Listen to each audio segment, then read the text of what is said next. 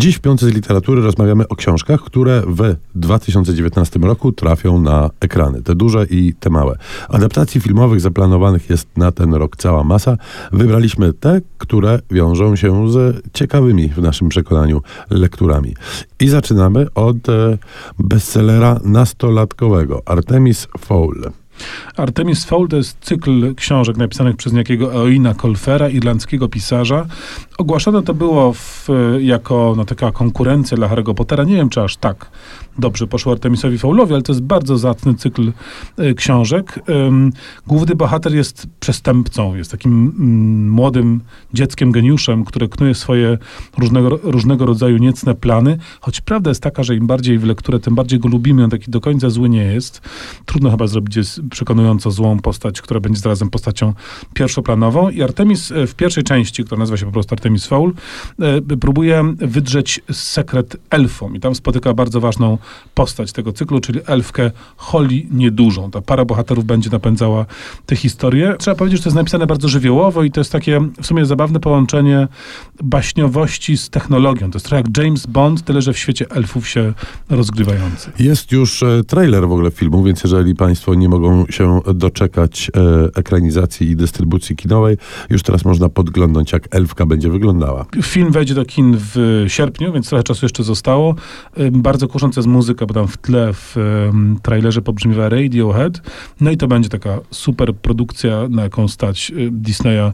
Bardzo dużo efektów. Miejmy nadzieję, że fabuła również jakoś tam się uchowa. A teraz czas na propozycje dla starszych.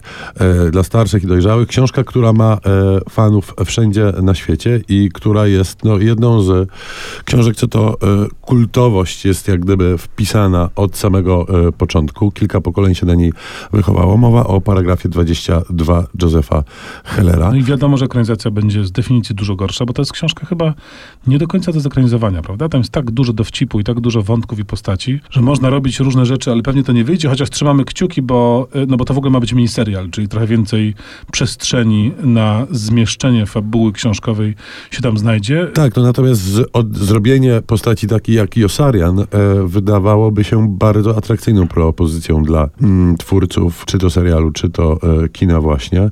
Mm, no bo jednak aż się prosi, e, żeby ktoś taki do nas z e, ekranu pogadał i nas porozśmieszał. Natomiast rzeczywiście to trudne zadanie. No ale też nie byle ktoś za to wziął bo za produkcją stoi George Clooney.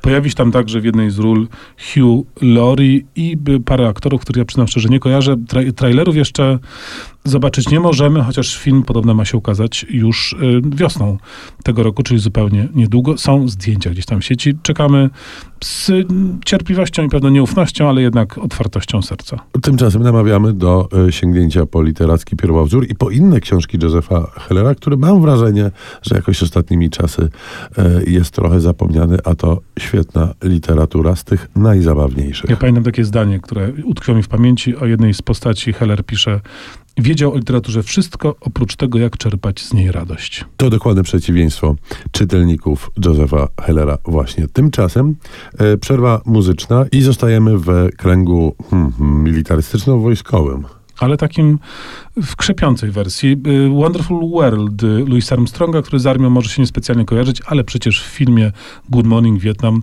piosenka ta zagrała bardzo ważną rolę.